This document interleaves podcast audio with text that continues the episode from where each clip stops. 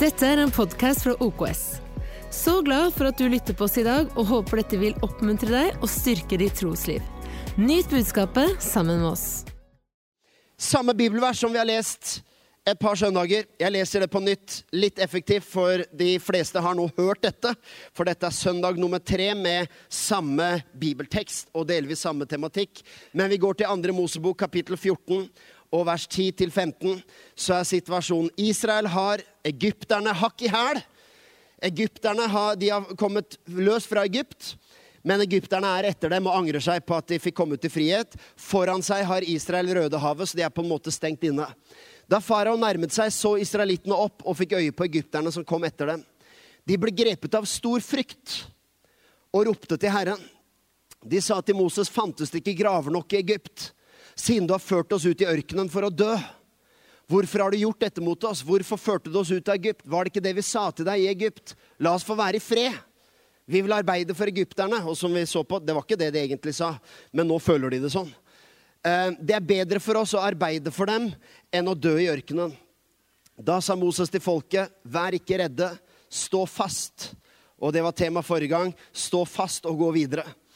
Eh, stå fast, så skal dere få se at Herren frelser dere i dag. For slik som dere ser egypterne i dag, skal dere aldri se dem mer. Herren skal stride for dere, og dere skal være stille. Herren sa til Moses, 'Hvorfor roper du til meg?' 'Si til israelittene at de skal dra videre.' Israel er i en situasjon av stor håpløshet. Når man leser disse tekstene og av og til hører all klagingen og sytingen til Israel, så kan man føle at de er litt eh, Man kan gjøre litt narr av det, at det er voldsomt til jamring fra dem. Men den reelle situasjonen er at de, er, eh, de føler seg trua på livet. Og egentlig den friheten som de hadde venta på, håpt på, bedt om, eh, og egentlig tatt steget ut i, var ikke hva de forventa. Vet ikke om det har vært en sånn situasjon noen gang hvor du har håpt på en fremtid, du har håp på en forandring, du har håp på en ny tilstand, en ny situasjon, og så tar du noen steg, og så er det ikke sånn som du forventa. For Israel er det mer enn bare det at det var uinnfridde forventninger. De er rett og slett gjennom dødsskyggens dal. Dette er Mange begynner å se slutten. Og hvordan vet vi at de begynner å se slutten? Jo, for de lengter tilbake til et elendig liv heller enn å avslutte det her. Fantes det ikke nok graver i Egypt til at du skulle bringe oss ut i ørkenen? Jeg vet ikke om det har vært der noen gang hvor egentlig vet du at det å gå tilbake til noe er egentlig ikke et alternativ. Det er ikke et alternativ egentlig å steppe ut av det Gud har lagt ned i deg. Det er ikke et alternativ å gå tilbake til gammel livsstil, gå tilbake til gamle uvaner, gå tilbake til det som egentlig var ditt gamle menneske.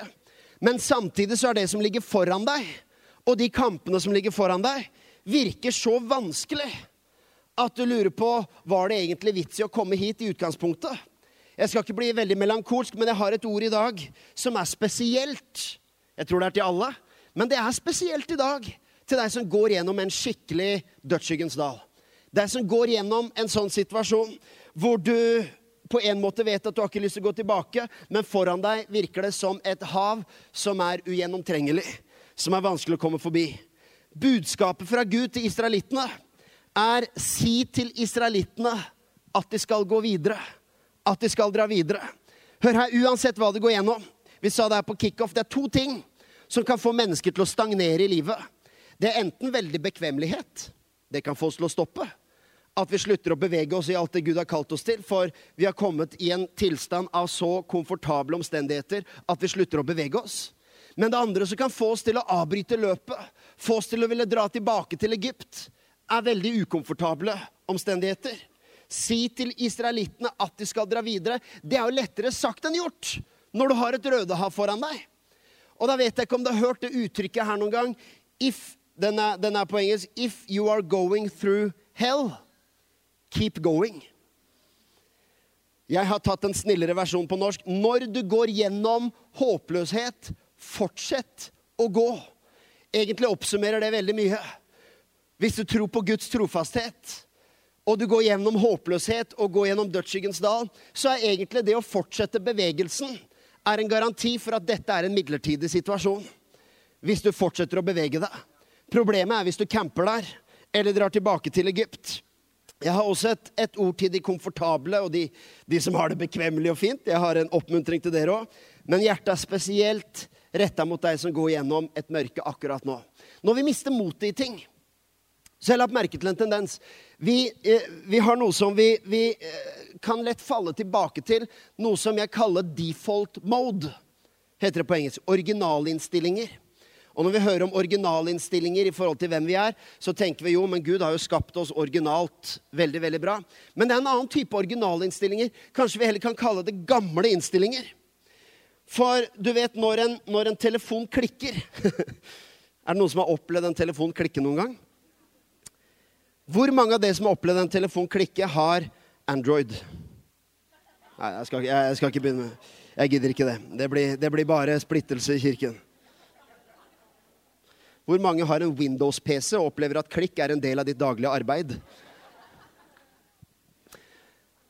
Men når noe klikker, så hender det at du må gjenopprette originalinnstillinger. Du må liksom starte hele greia på nytt.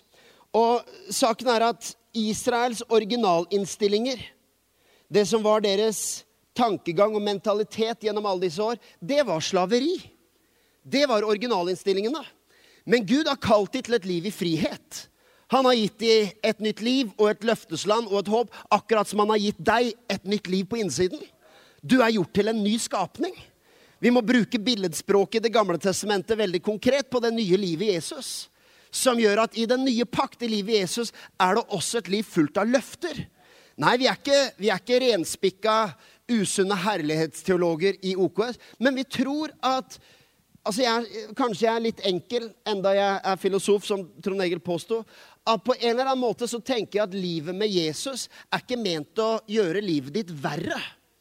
Det er noen ting som kan bli mer prøvende hvis du lever i forfulgte land f.eks. Men i bunn og grunn så er det å ta imot Jesus er ment at du får en ny kilde. Så Jesus sier at 'mitt åk er ganglig og min byrde er lett'. Så for meg er det så enkelt som det er at om mennesket bærer byrder i livet, så er det å ta imot Jesus er ikke en ny byrde på toppen av det andre. Det er en byrde du kan bære. Det er et bærekraftig liv. Hello? Kanskje det er greit å, å, å ha det som, en, som, et utgangspunkt. Ja, det er tøft å leve som kristen. Nei, vet du hva? Det kan være tøft i livet, men det å tro på Jesus og bære det som Bibelen kaller hans byrde, er bærekraftig. Du er i stand til det. Du er programmert for det. Du er posisjonert for å gå med Jesus og fullføre ditt løp. Det er naturlig for deg å fullføre løpet ditt. Men det som av og til skjer, både når en telefon klikker, eller når mennesker klikker, det er at vi vender tilbake til noen innstillinger som tilhører det gamle mennesket. For Israel, når de møter på stagnasjon og de møter på Rødehavet, så er på en måte ryggmargsrefleksen er slaveri. Det kan være så enkelt som dette her. og det, det, Ikke heng det opp i eksempelet, men dette er bare en illustrasjon for hvordan det foregår på andre områder i livet. Mennesker som en gang la fra seg sigaretten, klarte å slutte å røyke. Så går man gjennom en livskrise. Og hva gjør man? Jo, man plukker opp sigaretten igjen.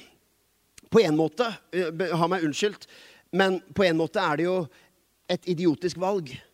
For det er som om jo, nå har jeg fått en så stor byrde i livet at jeg har lyst til å ta opp en byrde til som jeg hadde før i tillegg.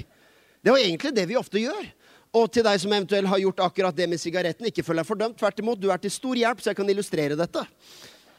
Så det er egentlig veldig bra de gjorde det. Bare dra den fram igjen, du. Det er Lykke til! Hun sitter Katrine og rister på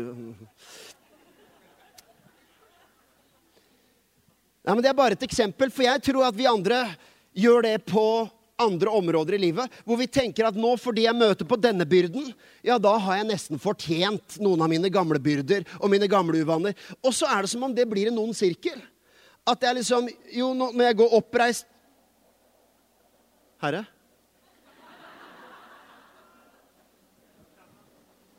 Stopp! Nei, det var ikke mye autoritet der. Se her, vi har en uh, medhjelper. OK.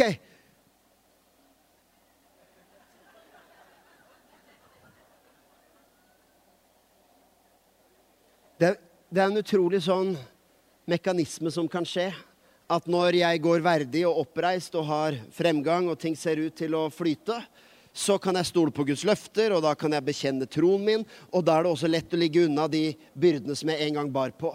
Men så fordi jeg møter på en stor byrde, så er det som om jeg har lyst til å lesse på det lasset bare tre ganger så mye. Fordi jeg har møtt på én byrde. Men faktum er jo dette her, at er det noe tidspunkt og noen tilstand hvor det er tid for å virkelig erklære og proklamere den friheten Gud har kalt deg til, så er det nettopp når du står foran et Rødehav. For deg som går gjennom en sånn krise akkurat nå. Det er, ikke, det er, det er egentlig ikke bare sånn at du skal prøve å krampaktig liksom, eh, hva skal jeg si, tviholde fast i en eller annen bekjennelse. Men jeg sier det bare helt enkelt og omsorgsfullt. Dette er tiden for å bruke det du har lært. Dette er tiden for å la all Guds ord, som du har tatt imot i fredstid Vi har snakket om det noen ganger. Vi bygger forsvar i fredstid. Det er for sent å starte og mobilisere et helt forsvar når et angrep kommer. Nei, vårt land har heldigvis et forsvar, og nå forventer vi ingen krig, men, men det fins noen der som har rusta opp i fredstid. Og sånn er det med ditt hjerte. Du ruster opp i fredstid. For at når storm og uvær og Rødehav kommer, så er det for at du skal bruke noe av det du har tatt inn. Så jeg prøver ikke å, opp, å be deg om å, om å liksom, ja, ta deg sjøl i nakken. Jeg bare sier, tenk på hva du har lært. Husk på Guds ord. Stå fast, som vi snakket om her forrige gang. Stå fast i hans løfter, stå fast i hans sannheter. For dette er sesongen for å gjøre det. Det er ikke så viktig å minne seg selv på å stå fast når du uansett er i naturlig bevegelse og ting flyter. Men det er når det har stoppa helt opp, egypterne etter deg, Rødehavet er foran deg. Det er da man skal stå fast i det Gud har sagt, og stole på at han er trofast i alle sesonger. Men vi vender til originalinnstillinger. Vi vender til gamle innstillinger. La meg se på det. Um, på den måten her, fordi jeg tror dette også skjer i åndelig forstand. Israel de vendte tilbake til slaveriinnstillinger som de hadde trent opp sinnet sitt til. Har du noen innstillinger som du vender tilbake til når det røyner på i livet? Er det noen sinnsstemninger, noen snakkemåter, noen følelsesspektre? Eh, er det noen tankemåter som du vender tilbake til når du møter på fjell? Fins det noen ting du prøver å finne trøst i? Er det noen ting du går til som når, når, du har det godt og er ved godt mot, så klarer du å avstå, mens når det blir tungt, så er det noen ting som du løper til? Vi vet at for mennesker i verden det kan være alt fra eh, ting som er relatert til sex og kropp. Vi vet at mennesker søker etter relasjon og nærhet og seksualitet og sånne ting fordi nå, nå går jeg gjennom noe tøft her borte. Hvor mange ganger har du ikke hørt mennesker som har gjort dumme valg på det området, og så sier man etterpå jo, jeg vet det var dumt, men jeg gikk gjennom en tøff tid? Som om det er en Og jeg anklager dem ikke, men jeg sier det er egentlig helt ulogisk. At fordi du fikk en byrde i livet, så skulle du ta på deg et par ekstra byrder som kommer til å skape masse kompliserte følelser. Eller noen går kanskje til penger og materialisme. Jeg elsker å se på Luksusfellen og syns det er et morsomt program. Men det er interessant fra et psykologisk perspektiv å høre hvordan mange som shopper seg bort fra smerte. For de har det egentlig vondt. Det de ender opp med, er et lass av regninger og kredittkort som er, er, stort som et fjell. Og så hender det, dette gjelder ikke alle, men for noen, når, når, disse er veldig dyktige på å stille rette spørsmål og grave dypt, så viser det seg at det er noe som gjør veldig veldig vondt. Men kicket av å kjøpe ting, kicket av nye ting i huset, kicket av nye møbler, er med å døyve noe av smerten. Og så blir det nesten som en rus som gjør det avhengig, for rusen blir en flukt. Så det, noen kan flykte i rus, noen kan flykte i penger, noen kan flykte i sex. Noen kan flykte egentlig bare tankemønstre. Jeg går inn i min gamle kynisme, jeg går inn i min gamle væremåte. Jeg kan kjenne igjen noen sånne ting. Når man møter på et skikkelig hva skal jeg si, et skikkelig Rødehav, så har jeg også selv om ikke jeg går tilbake til de tingene jeg har nevnt. Jeg får ikke noe shoppemani når jeg har det tøft. Men jeg kan kjenne igjen en viss tankemønster en viss selvmedlidenhet. Kanskje det er en sånn kick man går tilbake til, for det kan være utrolig deilig å synes synd på seg sjøl noen ganger. Det er, det er, faktisk så digg at jeg har lyst til å gjøre det litt akkurat nå. Man kan kjenne igjen noen ting som man går tilbake til. Det er litt som dette her. For, la, la oss lese Kolossebrevet 3,8. For noen de går tilbake til sinne, de går tilbake til bitterhet. Kanskje bitterhet de kom ut av, frykt de kom ut av. Så møter man på et fjell. Og så går man tilbake til den frykten. Fordi det er som om på en eller annen måte så har djevelen lurt oss til at der fins det en flukt. Der fins det en trøst. Der, der, kan du få distrahert blikket ditt. Og før vi leser verset, la meg bare avsløre konklusjonen med en gang. Og det er så enkelt og likevel så dypt og så komplekst. Men du skjønner, når det er tøft, så er det fantastisk at gleden i Herren er vår styrke. Hva er det du går til for å finne trøst? Hva er det du går til for å finne lindring? Hva er det du går til for å koble av? Det er fantastisk når Jesus Kristus er vår fred. Han er vår styrke. Han er vår glede. Og da er det sånn det kan være i uansett omstendighet. Det er ikke bare at Jesus vil gi deg de tingene som gir deg fred. For det kan hende at vårt bønneliv av og til blir litt prega av det. At nå går jeg gjennom veld, veldig tøffe ting. Gud, kan du, kan du gi meg noen nye ting som jeg kan kjøpe, så jeg kan få tenke på noe annet? Når skjønner, Det Jesus vil vise og åpenbare seg for deg med, er at det er ikke bare gavene han gir, som skal lindre deg fra smerte, men det er ham. Det er hans vesen, hans person, relasjonen med ham, Jesus Kristus. Tenk når, han, tenk når vi får inn ryggmargsrefleksen. At uansett hva jeg, går, hva jeg går gjennom, så rømmer jeg verken til gamle uvaner eller til bitterhet eller til tankemønstre. Jeg rømmer til Jesus og sier, 'Jesus Kristus, du er min fred. Du sa at alt er fullbrakt, og uansett hva jeg går gjennom, så vet jeg at alle Guds løfter har fått sitt ja i deg, Jesus. Men hva er det det står i Kolossebrevet 3,8? Det står lyv ikke for hverandre, siden dere har avkledd det gamle mennesket med dets gjerninger, og har ikledd dere det nye mennesket, som blir fornyet til kunnskap etter bildet av han som skapte det. Det fins mange sånne vers, jeg var litt usikker på hvem jeg skulle velge. Men det står om at vi har avkledd det gamle mennesket. Og jeg I oppveksten så husker jeg sleit litt med den tanken om hvem er, det, hvem er den gamle Thomas? For jeg har jo vokst opp i et kristent hjem og har alltid hatt troen. Og så hørte jeg sånne som forkynte, og sånne, sånne som hadde hatt et røft liv og gått fra døden til livet. Jeg husker Som liten gutt så var en av de jeg hørte ganske mye på, var jo Arne Bakken. Og hørte på Arne Bakken sin undervisning som var medpastor i OKS. Og jeg husker at han hadde så sterk historie. Jeg husker, jeg tror jeg må ha vært seks-syv år når jeg hørte hans kassettinnspilling, intervju med Arnold Børud, tror jeg, om fra døden til livet. Og jeg husker jeg tenkte at, og, og Det var ikke noe veldig vanskelig for meg, jeg synes det var en herlig ting, men jeg gikk ofte og tenkte liksom at jeg har ikke noe gammelt menneske. Jeg har ikke noe førhistorie. Jeg har ikke noe før og nå. Men her er en åpenbaring. Du skjønner, som mennesker så er vi ja, vi er skapt i Guds bilde. Det står i første Mosebok. Og så er menneskeheten reprodusert seg i Adams bilde. Det står i første Mosebok 5.3. Så av og til når mennesker skal rettferdiggjøre sin synd nå, sier de du må ta meg som jeg er skapt i Guds bilde. Jo, vi er skapt i Guds bilde, men vi er også Adams barn. Vi er også Adams etterkommere. Så man kan si det sånn her at du er et ødelagt apparat, egentlig. Men med Jesus så er det apparatet blitt reparert, gjenoppretta og fått helt ny programvare så kan man si at jeg er så heldig at jeg fikk møte Jesus og har levd med Jesus hele mitt liv, som betyr at jeg helt i min oppvekst og i min barnetro så har jeg fått lov å leve og vandre i de nye innstillingene, nemlig det nye mennesket som er i Jesus Kristus. En ny skapning. Du skjønner, Å bli en kristen er mer enn bare å endre livssyn og endre meninger om noen ting. Det er å ta imot et nytt liv. Det er å reparere innstillingene.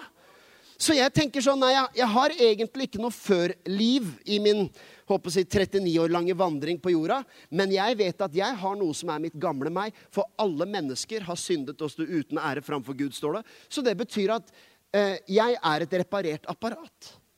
Jeg vet ikke om det kan hjelpe noen som også har vokst opp i kristen sammenheng. og lurer på, jeg vet ikke hva mitt vitnesbyrd er. Jo, vitnesbyrdet ditt er at menneskeheten søker etter Gud, og menneskeheten er fortapt, og menneskeheten eh, er et ødelagt apparat med hele sitt gamle menneske. Om du er så privilegert og velsigna at du har fått lov å vokse opp i de nye innstillingene, så er det et privilegium. Men jeg vet at i meg så ligger også potensialet for å gå tilbake til mine gamle innstillinger. Jeg er et apparat som er fiksa. Og selv om jeg ikke har levd en permanent tilværelse i en ødelagt tilstand, hvis du forstår bildet her, så er det likevel sånn at man møter på fjell, man møter på Rødehav, og så er det noe i ens gamle innstillinger. Lyv ikke for hverandre. Har man en tendens til å lyve litt når man møter på skikkelig storm? Jeg skal ikke utbrodere det, men jeg tror det. Man går gjennom skikkelig turbulens, så har man en tendens, spesielt i vår tid, til å forandre litt på historien. Forandre litt på narrativet. Og spesielt i disse sosiale medier-tider, hvor du alltid skal legge ut glade, fine, smilende familiebilder. Og det jeg sier ikke at det skulle vært annerledes. Ikke legge ut eh, når du er på ditt mest miserable, nødvendigvis. Men, men ligger, vi, vi likevel eksponerer så ettertrykkelig de positive sidene av livet hele tiden. Så når vi går i turbulens så er det nesten som vi kan bli litt splitta. Og så kan det bli en litt sånn løgnaktig snakkemåte og løgnaktig væremåte. Men lyv ikke for hverandre, siden dere har avkledd det gamle mennesket med dets gjerninger og har ikledd dere det nye mennesket. Dette er den nytestamentlige måten å si det Gud sier til Israel. Si til Israel at de skal gå videre. Uansett hva du går gjennom, og selv om du går gjennom dødsskyggens dal If you are going through hell, keep going. Fortsett i det nye landskapet Gud har skapt for deg. Ikke gå tilbake til gamle innstillinger. Ikke slett det der som Jesus har installert i hjertet ditt, men fortsett å gå på tross av omstendighetene. Fortsett å ha din bekjennelse, din lovsang, din takknemlighet når du er midt i et fengsel i det mørkeste fangehullet, og du kan tilbe ikke bare på grunn av hva du er takknemlig for, men på tross av hva omstendighetene peker på, så vandrer du i de nye innstillingene. Dere har ikledd dere det nye mennesket, som blir fornyet til kunnskap etter bildet av han som skapte det et par enkle knagger å henge det her på. Nummer én Guds nærvær i mørket. Du kjenner, du kjenner ordspråkene 23-4, kanskje et av Bibelens mest kjente bibelvers. Om jeg skulle vandre i dødsskyggens dal, frykter jeg ikke noe ondt. For du er med meg, din kjepp og din stav, de trøster meg. Salme er det, Unnskyld, sa jeg ordspråkene? Ja, det står til med ordspråkene. Det er Salme 23,4. Takk, vi har skriftlærde folk i forsamlingen som følger med. Jeg har hørt noen andakter om det. Hvordan er en kjepp og en stav til trøst? Men kjeppen er Man kan lure på ja, nå er jeg, nå jeg fortvila. Men der er en kjepp og en stav. Da går det bra. Men du skjønner, en hyrde sin kjepp er for å slåss mot rovdyr og for å holde fiender unna. Men staven er for å veilede og guide eh, sauene sine. Så når jeg vandrer i dødsskyggens dal, og dette er egentlig bare en så utrolig enkel observasjon For jeg har hørt det verset utrolig mange ganger. Men det er sprøtt hvordan vi kobler Guds ledelse med suksess og fremgang. Vi tenker at noen som virkelig er leda av Gud Tenk på en person akkurat nå, en som du virkelig tenker han er leda av Gud. Hun er virkelig leda av Gud. Jeg vet ikke om det er sånn med deg, men i hvert fall i mitt hode så tenker jeg gjerne på noen som, har, som virkelig har kommet langt. Noen som virkelig opererer i det Gud har gjort. Men her sånn står det at når jeg går i dødsskyggens dal, så er du med meg. Det vil si at Guds ledelse er egentlig ikke bare spesifikt kobla til de her som virkelig opererer i Guds kraft, og de som har det på stell, og de som har skjønt hva livet i Gud dreier seg om. Nei, Guds ledelse er for dødsskyggens dal. Det er egentlig umulig å se på et menneskes omstendigheter hvorvidt de er leda av Gud eller ikke.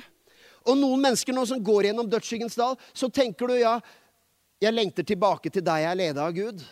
Men vet du hva? Dette er tiden for Guds ledelse. Det er nå du skal lytte.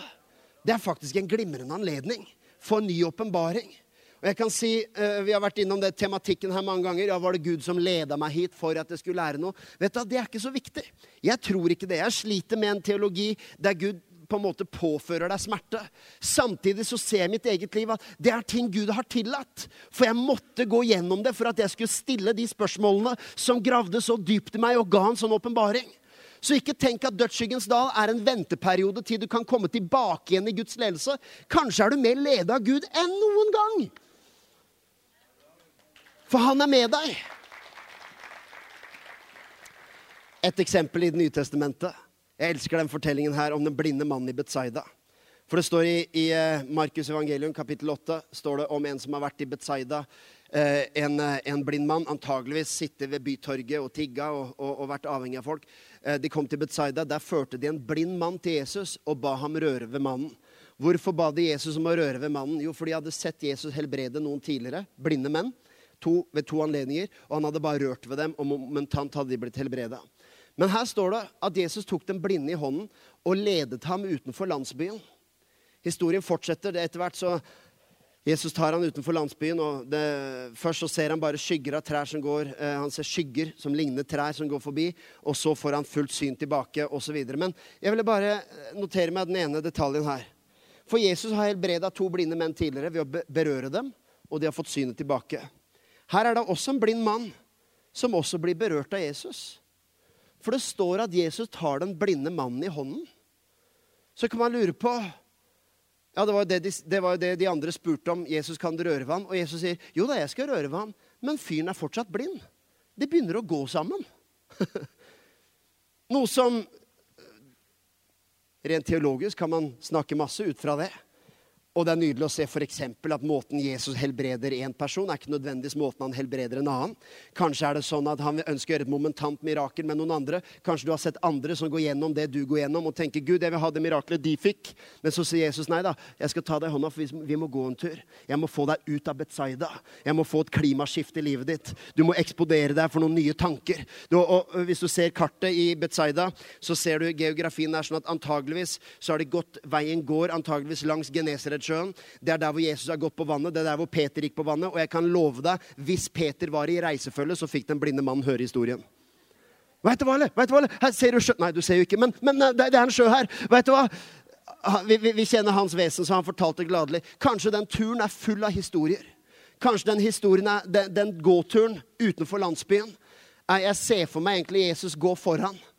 Og kanskje den blinde går litt etter sammen med disiplene, og de følger i flokk. og liksom, hei, vet du hva, eller? Nå går vi forbi der hvor, For det er samme område. Det var her hvor Jesus metta 5000 i ørkenen. Vet du hva som skjedde her? eller? Du skulle vært der. altså. Vi bare delte brød. Det var mangfoldiggjorde seg. Det var helt rått. Og så forteller de, og den blinde mannen går der. Og hans tro For husk, han har sittet i Betzaida så lenge nå og hørt sladder og dritt og søppel fra byens torg.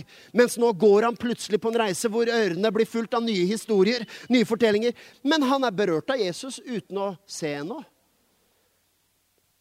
Og jeg tenker det at du ikke har fått ditt bønnesvar eller din helbredelse eller ditt mirakel, det er jo helt åpenbart at det betyr ikke at Jesus ikke både har berørt deg og faktisk går med deg akkurat nå. Men kanskje han ønsker å eksponere deg for noen nye ting. Kanskje han ønsker å gjøre et større mirakel enn bare det du har bedt om. Kanskje han, For han kan gjøre langt utover det vi ber om eller forstår. Det handler ikke bare om at Gud skal liksom, Hvis jeg ber om 1000 kroner, så gir han meg 1500. Det er, ikke, det er ikke det, men kanskje er det sånn at jeg ber litt på overflaten, mens Gud svarer med å transformere på dypet. Han kan gjøre langt utover det vi ber om eller forstår. Så Jesus, Jeg kan gjenkjenne fra sesonger i eget liv hvor jeg tenker sånn Jesus, nå håper jeg du griper inn snart. Og så er det som jeg går litt sånn på andre siden av reisen, og så sier jeg sorry den bønnen, for jeg så du, du hadde jo grepet meg lenge før det. Hvor nå ser jeg at det var et eneste stort mirakel. Alt du gjorde, alt du eksponerte meg for, alt du lærte meg. Mens jeg trodde Jeg, for, jeg forsto ikke da at miraklet var i full gang. Og av og til så har vi kanskje også en tendens til å stoppe opp og vente på at Jesus skal gjøre noe. Men her er dagens ord. If you're going through hell, keep going. Fortsett å Det betyr ikke at du ikke skal ta forholdsregler. Kanskje måtte tilpasse eh, situasjonen din og sånn. Men jeg sier i forhold til det Gud har lagt ned i deg, det som du er på vei mot, den friheten du går i, den nye skapningen, det nye mennesket som du er kalt i, fortsett å gå når du går gjennom dødsskyggens dal. For Jesus han driver og skravler i øret. Han ønsker å eksponere deg for noen ting. Og mirakelet, tror jeg, jeg tror det er fullt i gang i ditt liv. Du må bare åpne opp hjertet for det. Ikke stoppe opp og lure på Jesus, når skal du gripe inn? Fortsett å gå og tenk Jesus. Tenk at du går her, midt i disse omstendighetene. Du har hørt den salmen noen ganger om at de første tre versene så handler det om Han. Han snakker om eh, eh Herren er min hyrde. Jeg mangler ingenting. Han leder meg til hvilens vann osv. Så, videre. så kommer dette vers fire. Selv om jeg går i dødsskyggens dal, er du med meg. Han går fra han til du, som du kanskje har observert tidligere også. Men det er en fantastisk ting at dødsskyggens dal er ikke tid for å stoppe opp og vente på Jesus. Når griper du inn? Nei, det er nettopp her at du blir intim og personlig og relasjonell og lytter til ting som Gud har tenkt å gjøre på dypet av deg. Det er fantastisk. Oh yes. Tida går fort.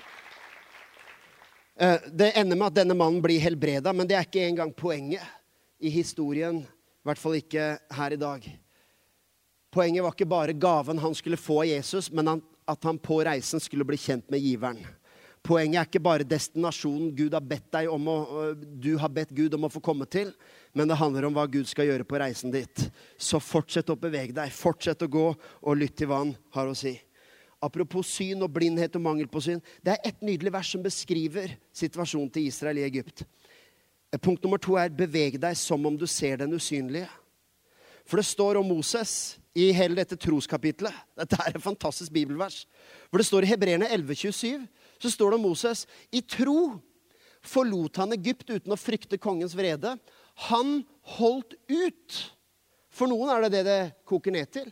Og simpelthen holde ut for å kunne bevege seg videre.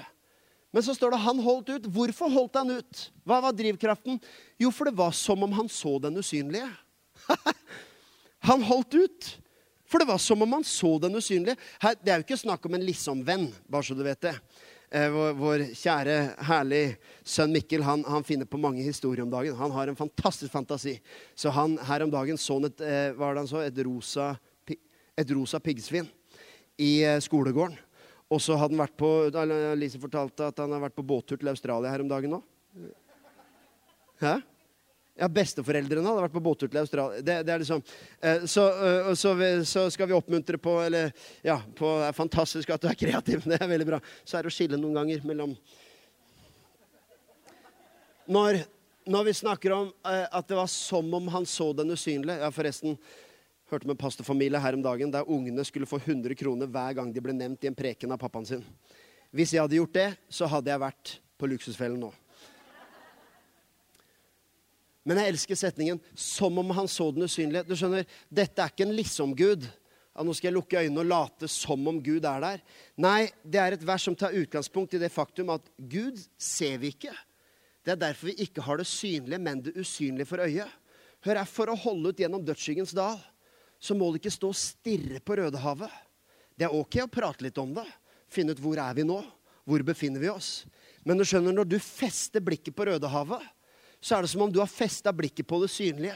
Du fester blikket på fjellet, du fester blikket på utfordring, utfordringene. Men svaret på dette her kommer et par vers senere. Han holdt ut, for det var som om han så den usynlige. For en aldeles vakker setning. For da kommer det noen vers etterpå, over i kapittel 12, men det er bare fire-fem vers senere. Derfor, når vi nå har en så stor sky av vitner omkring oss, Hebreberne 12, La oss legge av alt som tynger oss, synden som så lett fanger oss, og med utholdenhet fullføre det løpet som ligger foran oss, med blikket festet på ham, som er troens opphavsmann og fullender. Det er derfor Israels historie i Det gamle testamentet er et bilde. Det er en allegori. Det er helt klart et frempek på det hebreerbrevet snakker om. At de gikk som om De holdt ut, for det var som om han så den usynlige. Ja, hva vil det si? Jo, det er å holde blikket festa på Jesus. Det kan faktisk rent praktisk. Nå skal vi ikke begynne med noen noe snåle øvelser her. Men noen ganger så er det simpelthen å lukke øynene litt. Midt i hverdagen. Rett og slett. Når det står at eh, Siste vers på den biten her, 2. Korinterbrev 4.27 til Det står 18 men det skal være 28. Vår trengsel som er lett, og som bare varer en kort stund, virker for oss en enda mer overstrømmende og evig fylde av herlighet idet vi ikke retter blikket på de synlige ting, men på de usynlige. Heng på tankerekka.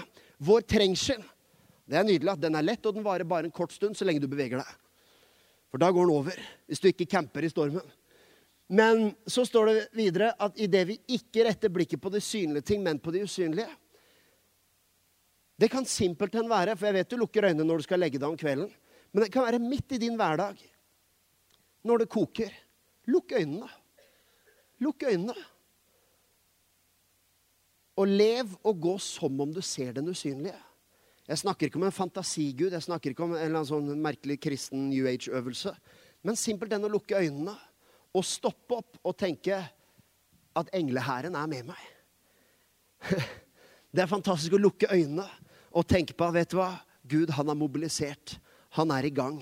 Han har forberedt mitt gjennombrudd. Han har forberedt dette Rødehavet. Han har visst det siden før, siden før verdens grunnvoll ble lagt. Gud er ikke overraska, Gud er ikke sjokkert. Men når du ser, du ser på det som er rundt deg, du kan rent visuelt noen ganger, så kan du også liksom bli påminna om ting som er krevende. Men å lukke øynene midt i hverdagen som om du ser den usynlige. Det fins noen sånne historier i Gamle testamentet der plutselig Gud åpner øynene. Der de får se en hær Herrens armé som står der. Det er en litt sånn fin øvelse. Du får ikke la fantasien dra det altfor langt, men å lukke øynene og vite Jeg har en engel som følger meg. Katrine har fire. Hun har fire, men de, de, de eh, jobber ikke hele tiden. De har skift, skiftarbeid.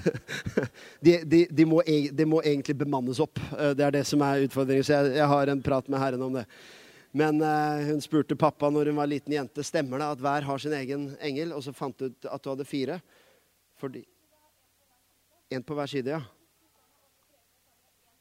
Ja, ikke sant? Ja, ja, ja. Nettopp. Hun, hun eh, trodde hun hadde én engel på hver side, og så prekte Åge at alle har én engel, minst. Og så ble hun litt skuffa, fordi hun har alltid tenkt at hun hadde to. Og så sa Åge at, alle, at hun hadde fire. Det var da voldsomt. Eh, alltid tenkt at hun hadde fire. Så kommer Åge og sier at alle har én, som var litt skuffa og spurte etterpå hvordan er dette her. Og så sa Åge at hun kunne beholde sine fire. Så det er dealen.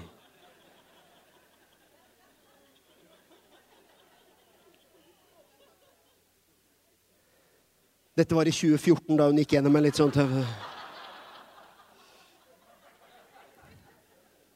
Nummer tre. Vi skal gå inn for landing. Next level herlighet.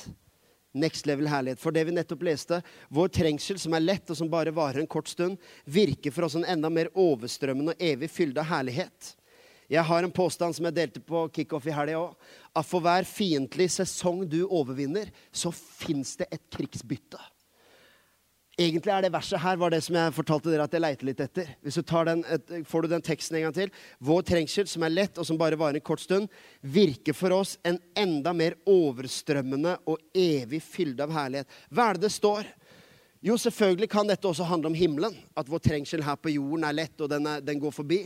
Men skjønner, vi vet at din, alt det som har med nå og evigheten å gjøre, får vi også en forsmak av i dette livet.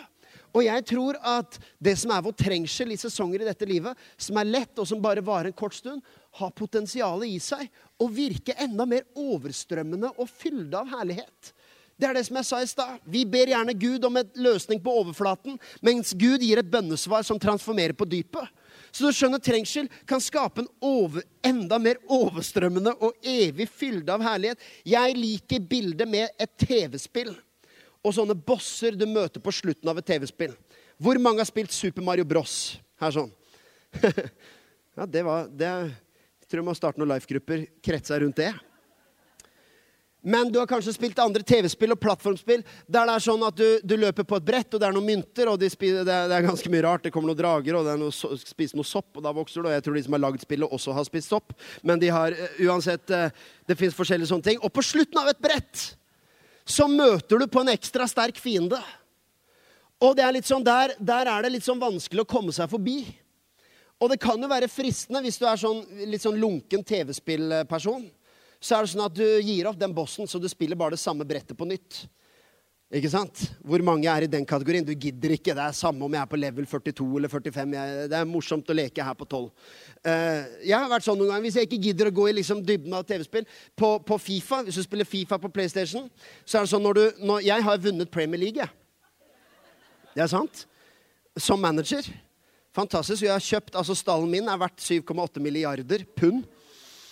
Eh, så jeg har, faktisk, eh, jeg har faktisk vunnet Champions League fire år på rad, og ligacupen og FA-cupen og Premier League. Dette er hva pastoret gjør mellom, søndag og mandag, nei, mellom mandag og lørdag. Det er sant. Jeg har, jeg har rett og slett eh, jeg har imponert så ettertrykkelig i Fifa at jeg, jeg, jeg har blitt kåra til årets manager og månedens manager tror jeg snart 20 ganger. Problemet er at jeg spiller på, jeg spiller på semi-professional. Som er altfor lett. Så gikk jeg opp til professional, og der, der jeg holdt meg. Jeg har klart å gjøre alt det der også. Men neste nivå, det er eh, Hva er neste nivå etter professional? Er det world class? Og der har jeg prøvd. Men eh, jeg går ned til professional igjen. Nå kjenner jeg at denne prekenen tok en veldig snål vending. Men vet du hva, det er dette her folk gjør i livet noen ganger. Man møter på en boss. Og så er det som om Vet du hva? Jeg, jeg, jeg går tilbake til Egypt. Vi, vi holder oss på slaverilevel. For det er der jeg er vant med å leve. Jeg, selv om det egentlig var En gang var det jo vanskelig, det også. For det er jo sånn i TV-spill at ett level som nå er lett, pleide en gang å være krevende første gang. Men så går man tilbake til der man er. Men her er hva jeg tror dette bibelverset faktisk sier om Super Mario Bros. Det er at når du vinner en boss, når du vinner den derre fienden på slutten av et brett, hva skjer da? Jo, du kommer til et nytt brett med nye ressurser, nye redskaper, nye våpen. Kanskje ikke Super Mario Bros, men i den typen spill. Det er som om plutselig åpner seg et landskap av nye ting. Og jeg, jeg, skal ikke overdrive teologien i det, men jeg tror på dette prinsippet. At hvis du står fast i en sånn sesong, når du står fast med den fienden som har møtt deg kanskje på slutten av et brett, så tror jeg at det fins et krigsbytte på andre siden. Det er sånn Når Israel bekjempa noen av sine fiender, så var det sånn at Gud betrodde dem med krigsbytte. Det var sølv og gull og dyr og kyr og budskap og ressurser. Og jeg tror at når du står fast i en sånn sesong, så finnes det et next level herlighet. Jeg prøver ikke å skape noen feil forestillinger for deg, men jeg tror at vår trengsel kan virke en enda mer overstrømmende og evig fylde av herlighet. Jeg kan vitne og si at sånn er det både i liv og i lederskap. Når du har maksa et brett, så er det fristende. Det er komfortabelt å bare bli der, ikke sant? Nå fikser jeg dette nivået. og så møter du på en ny boss på slutten av det brettet. Og du kjenner, vet du hva, jeg har lyst til å bare gå litt tilbake med de her, de her soppene jeg spiste i stad. Det var morsomt. Men den, den fienden her har jeg ikke lyst til å møte. Så går man litt tilbake. Men si til Israel at de skal gå videre. If you're going through hell, keep walking. Keep going. Og vet du hva som skjer? Jeg kan vitne om det og virkelig si at det fins ulike ting man kan møte på slutten her. Det kan være fiender. Hva skal jeg si? Jeg sier fiender, det trenger ikke engang være knytta til noe eksternt. Det kan være noe inni deg. Det kan være ting du sjøl slåss med. Men jeg vet at når man står fast, ikler seg det nye mennesket, stoler egentlig på at det, det å leve som kristen er bærekraftig så er det next level herlighet på andre siden. Og det som så ut som en trengsel, viste seg å vare kanskje kortere enn man trodde, selv om når det pågikk, så Når det pågår, så kan det pågå der og da kan det føles som det har pågått altfor lenge. Men jeg sier til deg som står i en sånn akkurat nå, stå fast og gå videre, som vi snakka om forrige gang. Men om du går gjennom dødsskyggens dal, fortsett å bevege deg, for du skal se at denne fienden står djevelen imot, og han vil flykte fra dere. Og på andre siden av der så venter det også en ny boss. Når du er i bevegelse og gå videre. Ikke la hjertet bli bittert. Ikke la én scene fra filmen om ditt liv få lov å definere hele historien.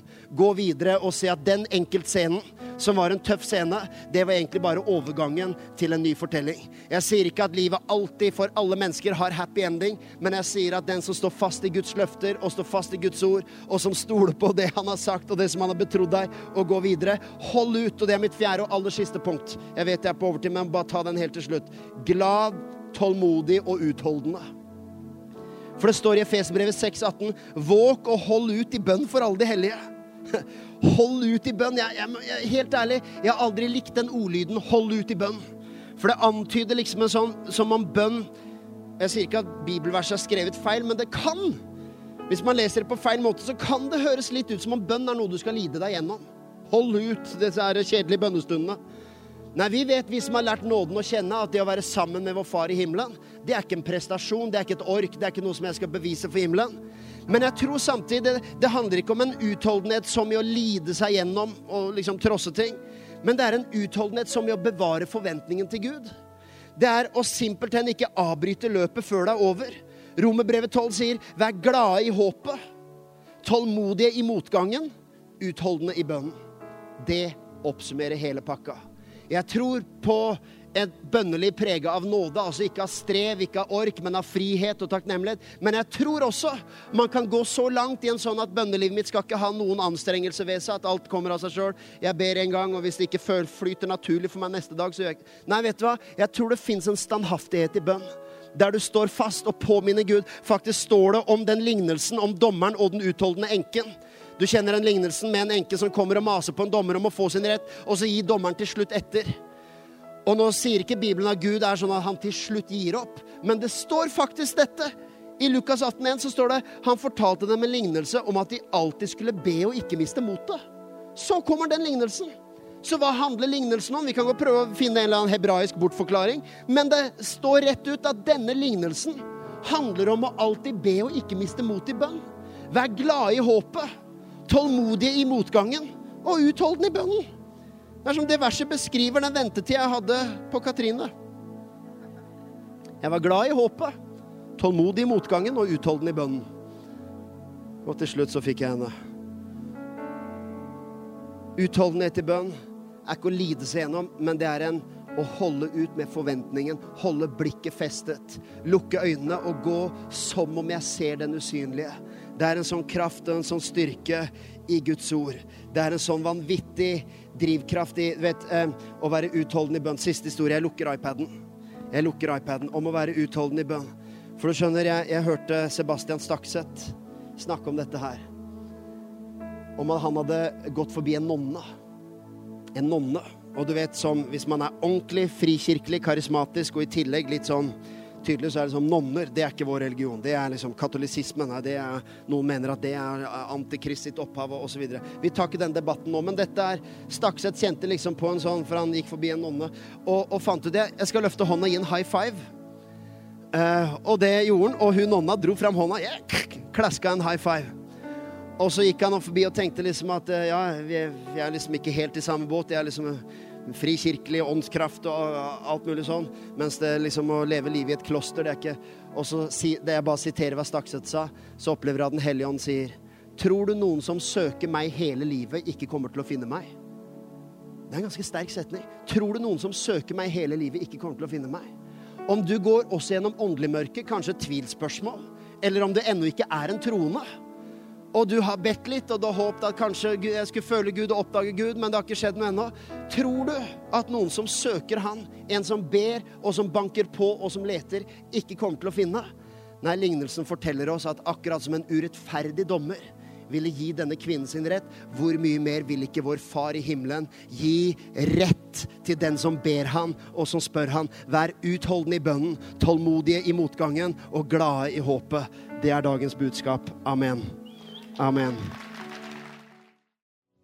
Takk for at du tok deg tid til å lytte på en av våre podcaster fra OKS. Vår visjon er å bringe Jesus til mennesker i vår verden, og mennesker i vår verden til Jesus. Følg oss ellers på vår YouTube-kanal og sosiale medier. Du er velkommen til å besøke en av våre kirker. For mer informasjon, sjekk ut oks.no.